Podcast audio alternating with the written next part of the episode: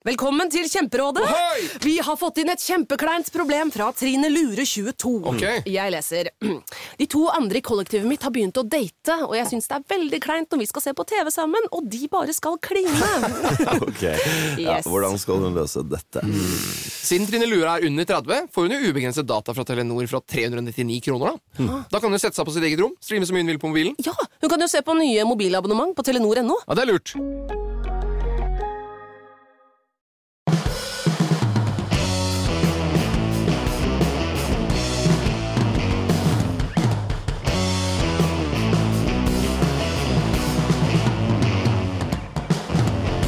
Vi varslet jo forrige uke Petter, at eh, Stormkast er kommet tilbake for å bli. Eh, Nå er det hver uke fremover, og her er vi.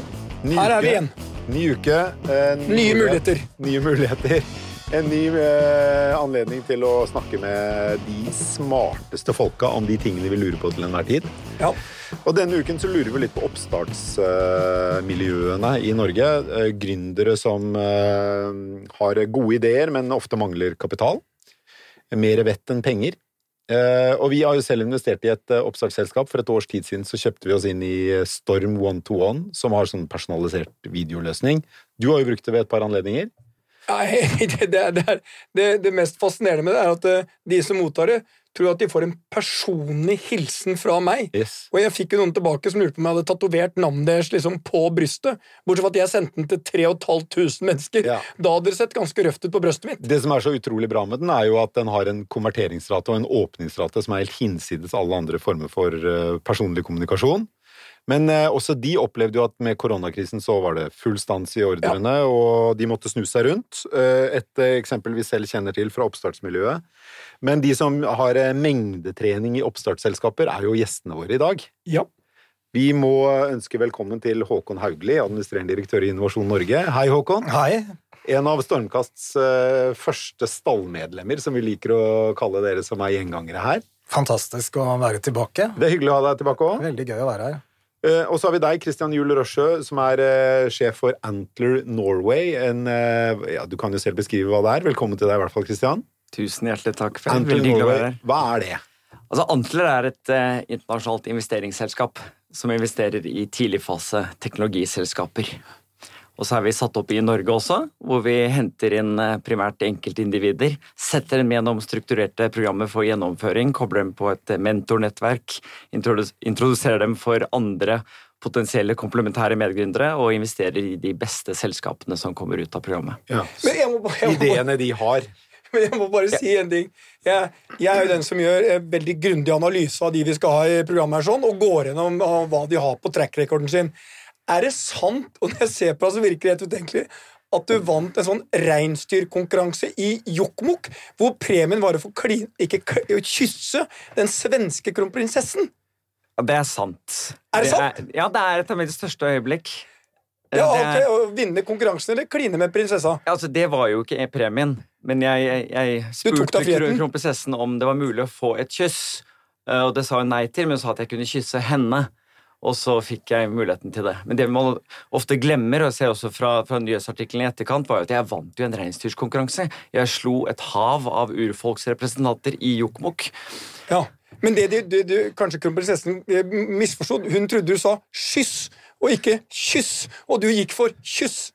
Men, eh, men uansett, eh, fantastisk eh, at du er her sånn. Ja, for Vi ville sitte på i reinsdyrsledet tilbake til eh, flyplassen. ja, det, det. men eh, du har, jo også, du har bodd i Russland, du har bodd i Indonesia, og du har bodd i eh, USA. snakker du russisk? Yes.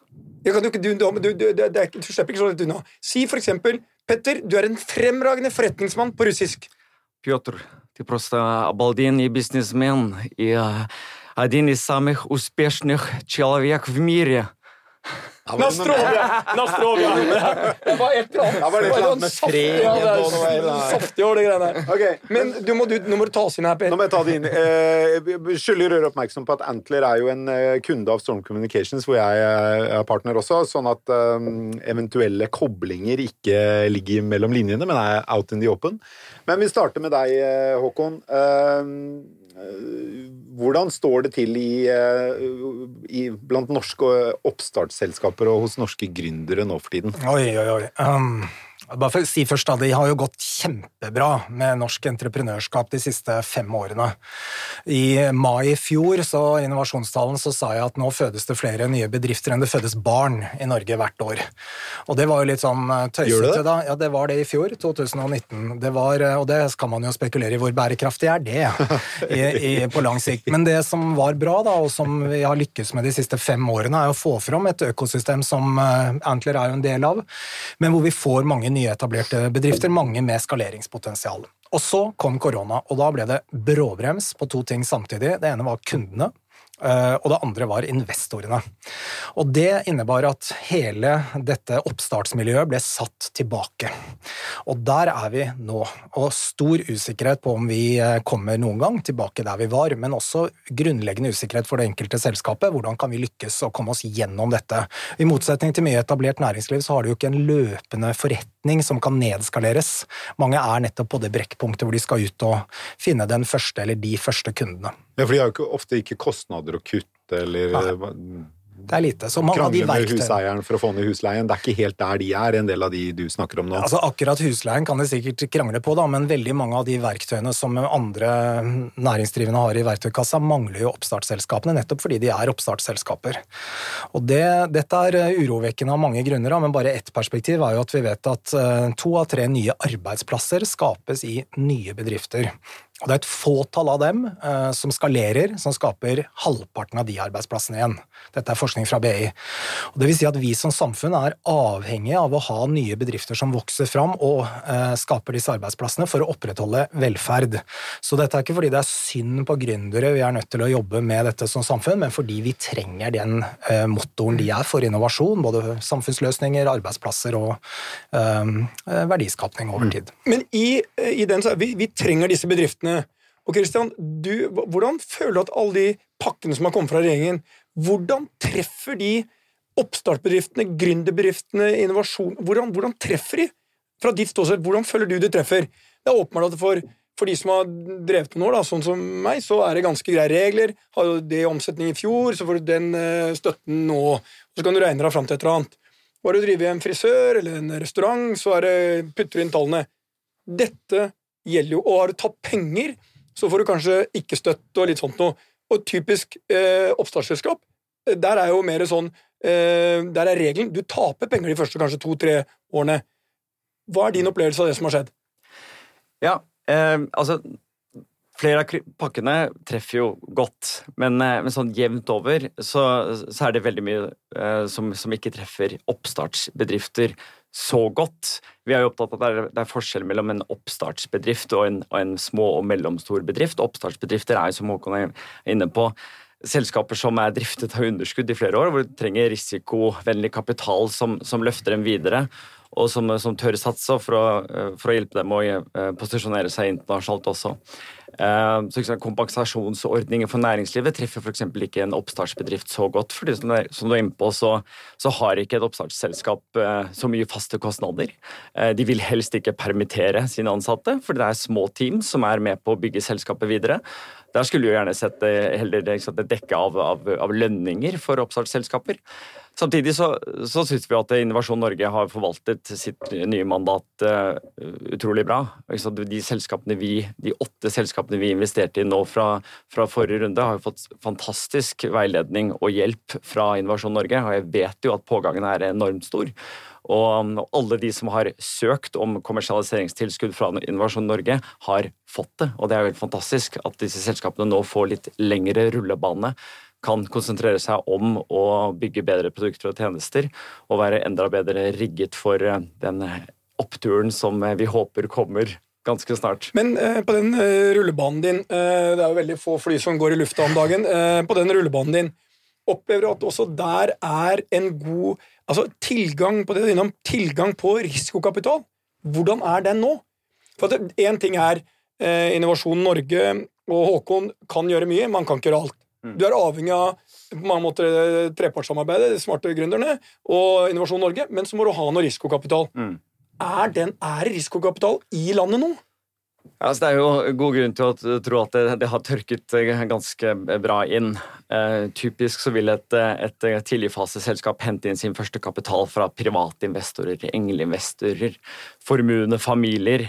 Eh, som kanskje føler seg noe fattigere enn de gjorde for tre-fire måneder siden. Jeg er i den kategorien. Eh, så der blir det nok litt vanskeligere å hente kapital den neste tiden. Derfor utrolig viktig å få litt lengre rullebane fra, eh, fra Innovasjon Norge.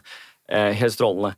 Vi skulle også gjerne sett enda bedre politiske grep sant, som insentiverte slike typer eh, investorer til å fortsette å investere i oppstartsselskaper. Gi dem enda bedre skatteinsentiver som kan motivere dem til å gå inn i selskaper som skal være med på å bygge fremtiden. Hvordan, hvordan, opplever du det som da har tett kontakt med disse gründerselskapene dere har vært med å, å investere i og, og Eh, fremelske. Ehm, hvordan opplever du mø gründernes møte med en ny virkelighet, eller hvordan opplever de det? Hvordan eh, de går fra å tenke om tre år så har vi bygget et fantastisk selskap, vi skal bli rike, vi skal liksom Dette er noe hele verden vil ha. Mm. Til å skjønne at oi, ingen vil ha det, og ingen vil investere i det fordi de er opptatt av helt andre ting. Det er uh, helt nye spilleregler for selskaper som våre. Ja. Altså, de er nok noe mer bekymret for, eh, for, eh, for potensialet for å hente kapital. Det er nok noe bekymret for. De er jo selvfølgelig bekymret for at, salgssyklusene hos selskaper er litt tregere, og at det er litt vanskelig å få på plass kunder. Veldig mange av selskapene vi investerer i, henvender seg mot bedriftsmarkedet.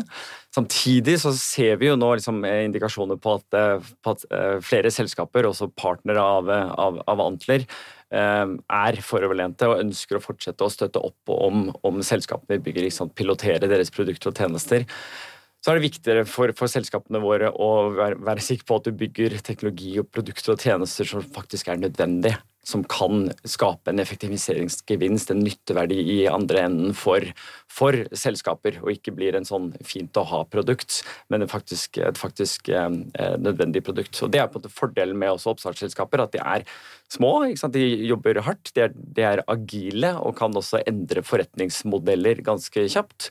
Um, og kan sørge for å endre også liksom, hvordan de utvikler produktene sine for å treffe markedet enda bedre. Så ser vi også at flere selskaper har dratt nytte av, av, av eh, konsekvensene av eh, covid-19. Det at eh, veldig mye av det investorer som også har investert i flere år, nå akselererer. Digitaliseringen av, av, av samfunnet. E-læring, e-handel, arbeidsverktøy eh, osv. Som virkelig skyter fart gjennom en sånn tid. Nei, er det, eh, ja. Nei, Håkon, du, bare sånn, når jeg hører det her sånn, så hvis jeg minnes riktig, så har du vært opptatt av det grønne skiftet og investeringer i det grønne. Er det litt feid under uh, teppet nå, eller er det fortsatt uh, Skjer noe der, eller skjer ingenting? Bortsett fra at sannsynligvis første gang så klarer vi klimamålene som følge av at samfunnet står stille, flyene er ikke på rullebanen, og folk kjører ikke bil og sånt noe. Og man har fått sikten igjen i Mumbai og alle steder, og det ser jo helt fantastisk ut. Uh, bortsett fra at det er bare et, et, kort, et kort vindu. Hva er ditt syn på det? Er, hva, hvordan prioriterer Innovasjon Norge ja, um, ja, dette er jeg urolig for. Altså, jeg tror at uh, noe av um, konsekvensen kan bli at vi, øh, vi, kommer til å komme i en fase da, hvor vi prioriterer det kortsiktige høyt, fordi desperasjonen er stor. Veldig lett å forstå, og samtidig så ser vi jo at noen av de underliggende eh, etterspørselsdriverne, da, type energi eller helse eller mat, er veldig sterkt til stede. Og det gjør at hvis vi øh, stokker beina riktig i Norge, så er vi veldig, veldig godt posisjonert for å nettopp bidra til Eh, et grønt skifte, da, for å låne låne Du må bare forklare det, hvorfor vi er godt porsjonert. Ja, Ta leverandørindustrien til norsk olje og gass. Der kan 40% av den flyttes nesten helt intakt over til havbasert vind, bare for ett eksempel. Vi har massiv utbygging av havbasert vind i Asia, så for Norges vedkommende handler det om hvordan kan vi bruke den engineeringkompetansen vi har, på nye måter. Så det er ett eksempel. Og dette pågår nå. Så er det noen hindringer som på kort sikt, og spørsmålet er jo hvor langt, eh, lang tid tar det? Når er det vi kan begynne å reise igjen? Når er det vi kan begynne å transportere varer og uh, deler av verdikjeden til andre deler av verden eller til Norge. Og det tror jeg er det store spørsmålet veldig mange er usikre på nå. Når blir det normalisert? Og det rammer norsk næringsliv bredt, og vi må huske hvor utrolig utadvendt norsk økonomi er, og veldig, veldig mange bedrifter kjøper komponenter, delproduksjon i andre deler av landet. Akkurat det er rammet nå. Så er spørsmålet når åpner det opp igjen, og det vil gå direkte på vår ende. Og når det åpner opp igjen? Ja, her det... kan man ikke bare komme med en rad utsagn uten å ha svar. Nei, jeg vet jo ikke det, men jeg, det er jo noe jeg, jeg, tror jo at denne krisen blir mer alvorlig jo lenger, lenger, den pågår. Fordi alle disse strukturene brytes opp, og det er mye vanskeligere å koble britene sammen igjen. Um, og, men jeg også deler jo det Kristian sier, og det, jo, det, skjer jo veldig spennende ting nå. Vi fikk vår største teknologibørsnotering eh, noensinne, midt oppi denne krisen. Pexip, som er et videokonferanseselskap, ble børsnotert nå. Så det er jo klart, det tror jeg for mange bedrifter handler det nå også om å bruke krisen til å tenke innovasjon, utvikling, omstilling. Hvordan kan vi identifisere nye markeder, gjøre ting på nye måter. Så det er jo et blandet bilde, men hovedbildet er at det er veldig grått i norsk næringsliv akkurat nå. Jeg vil tro for, for uh, veldig mange gründere så, så, er de jo enig med deg i det at dette er en god tid til å tenke nytt. Men så er utfordring nummer én kanskje uh, at de har ikke råd til å tenke nytt. De er heller nødt til å prøve å skalere ned kostnadene der de kan, og prøve å liksom, klemme den sitronen de har nå, uh, mest mulig, så de kan overleve. Ja. Uh, det, så vidt jeg skjønner deg, så, så, frykter du at det, det, det, grønne skiftet blir liksom satt eh, eller utsatt på litt ubestemt tid eh, som følge av eh, fravær av kapital og mindre investeringsvilje i alternative energikilder. Ja, og det er viktig å understreke, Dette er ikke fordi det er politisk ønskelig, eller Nei. noen ønsker det, men rett og slett fordi de prosessene da, som er nødvendige, de er vanskeligere å få til. Så, så, EU gjør jo interessante ting. De har jo sagt at som en del av sin krise, eller si restartpakke, så er en grønn restart en del av det. Og det er jo noe vi kan både lære av og låne av det EU gjør der. Vi som Innovasjon Norge gjør en del, Petter, du spør jo om det, hva gjør vi? Vi eh, i vår portefølje er antallet eh, prosjekter som eh, vi gir støtte til, som har en positiv klimaeffekt økt fra rundt 30% til rundt 50% før korona. Og Så er spørsmålet hvordan nå eh, går vi ut videre. og er, Uten å forskuttere for mye, er helt overbevist om at vi kommer til å komme nå med en pakke på sirkulærøkonomi eller grønn omstilling, fordi vi ser at det er markeder ute, og Norge er godt posisjonert. Men hvor mye penger har du i Innovasjon Norge? Nå per Totalt. år? Ja, I et normalår har vi rundt 7 milliarder i låne- og tilskuddsrammer. I det, dette året vi nå er inne i, har vi fått uh, tillegg på fem i første omgang, og uh, sannsynligvis et par milliarder til. Så vi er omtrent på det dobbelte av hva vi pleier å være. Men la oss være ærlige, omstilling på de områdene du snakker om, er enormt kapitalkrevende. Hvis du kunne velge, hvor mye mer kunne du gjort hvis du hadde fått 50 milliarder? Ja, Det er et godt spørsmål. Vi skal jo også få disse pengene ut. Det skal jo være en søknadsbehandling, og det er jo viktig at vi, er, eh, vi er, at vi, greier å bruke disse pengene slik de skal brukes. Så det handler jo ikke bare om å få penger ut. Jeg opplever per i dag at vi har de verktøyene vi trenger nå. Så kan det endre seg. Og så er det veldig viktig, vi gjør ikke denne jobben alene. Dette er det næringslivet selv som gjør. Det vi kan bidra med, er risikoavlaste. Og vi vet gjennomgående at én krone fra Innovasjon Norge utløser to private kroner i investeringer eller eh, låneopptak eller på annen måte. Og det forholdstallet bør ligge fast, fordi det er ikke det offentlige som skal drive fram eh, næringsutvikling alene, men vi kan være med å risikoavlaste. Så per i dag, jeg, til å svare på spørsmålet, jeg vet ikke hva vi kunne fått til for 50 milliarder. Jeg har i hvert fall ikke logget noen søknad her og nå på 50 milliarder.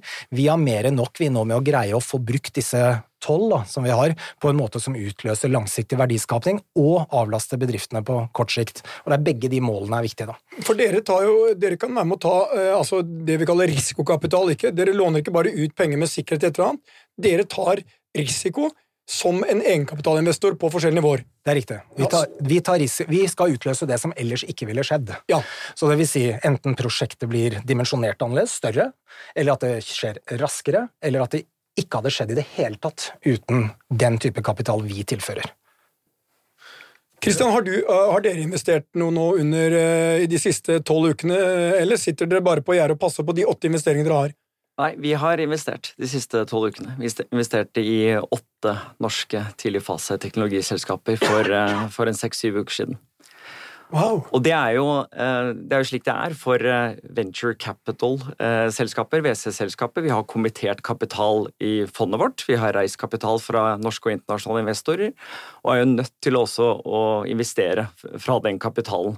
Det gjør jo også at sant, disse oppstartsselskapene eh, som nå får god hjelp av Innovasjon Norge, kommer seg gjennom litt tøffere tider. Når de først har kommet opp på, på visse høyder som gjør at de kan tiltrekke seg sånn type kapital, så er det jo større muligheter fremover. For WC-fondene har kapital. Ganske kort tid før koronakrisen så hadde vi gjester inn i studio hvor vi annet snakket om hvor intens konkurransen er i ferd med å bli mellom fond. Å finne de beste casene og finne de smarteste hodene. Mm.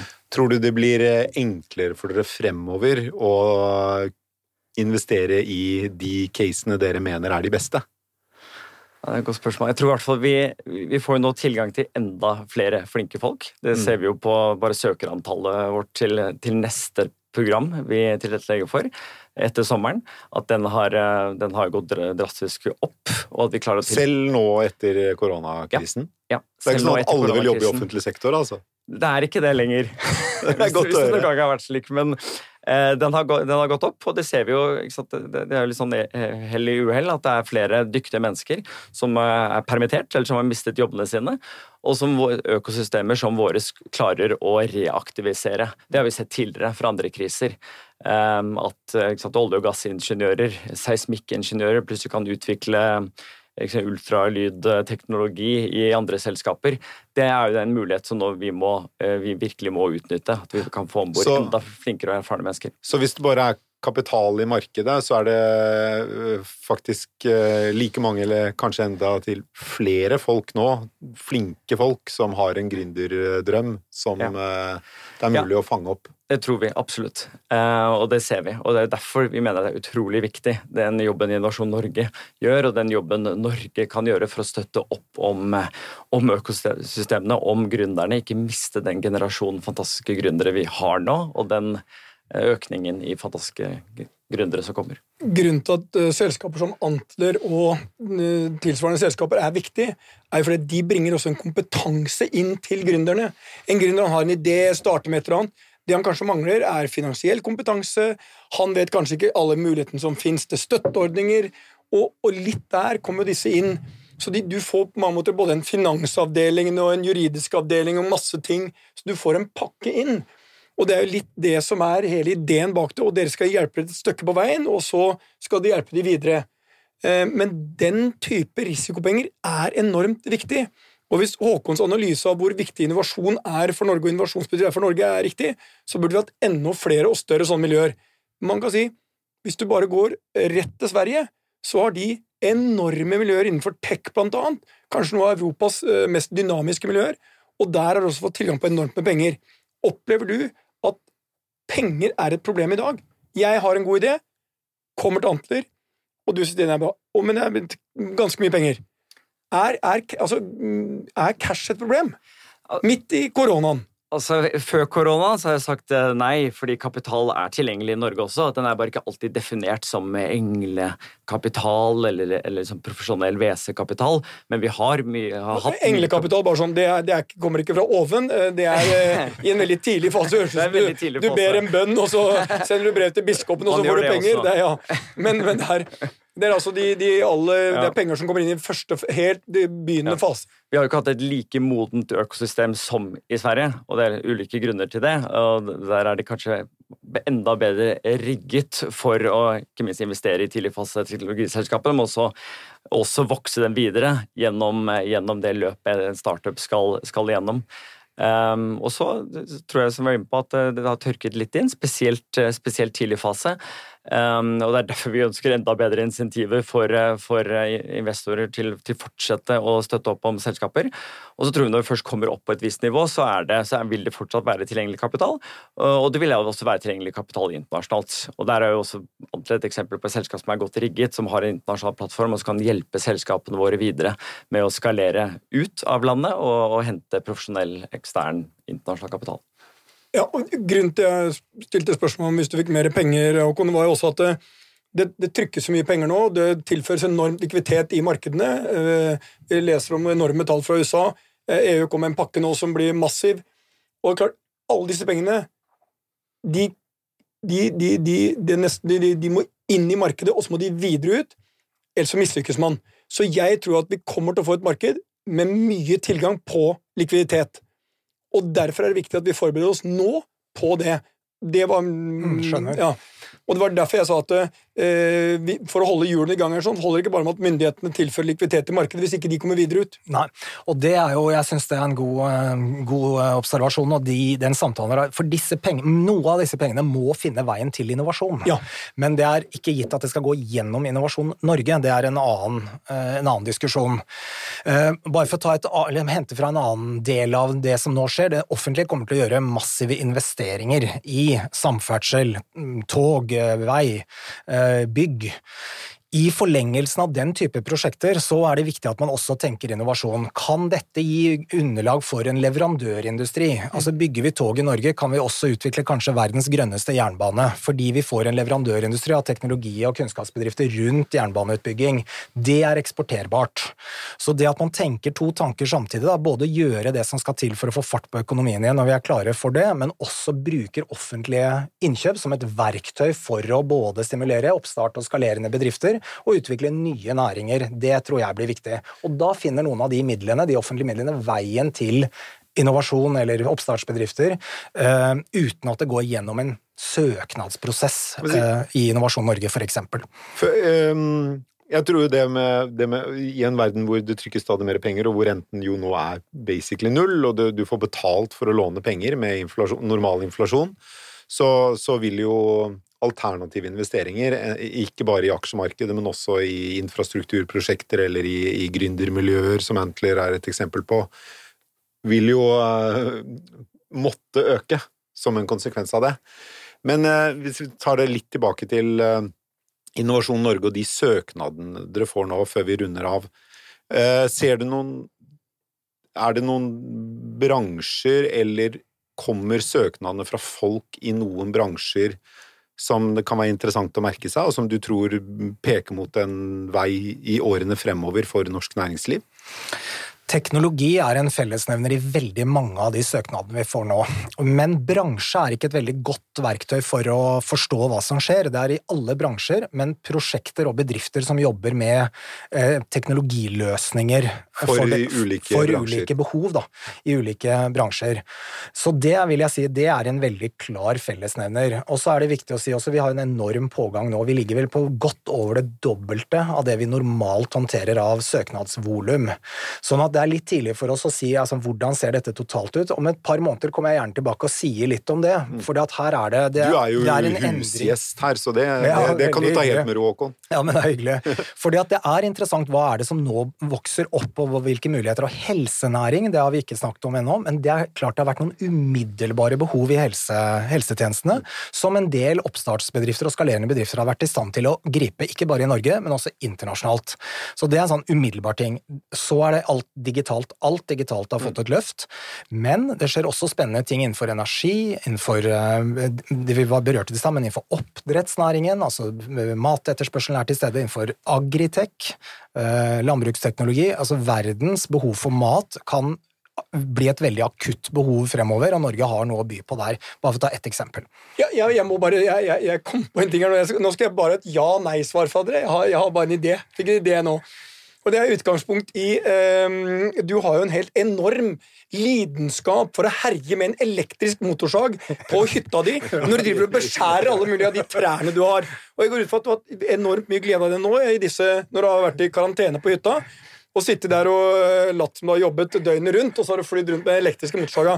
Men så fikk jeg bare en idé, og det er sånn Jeg kommer til Antler, for det er jo pinlig. Jeg er jo glad i motorsag, men jeg hadde sånn motorsag med masse lyd.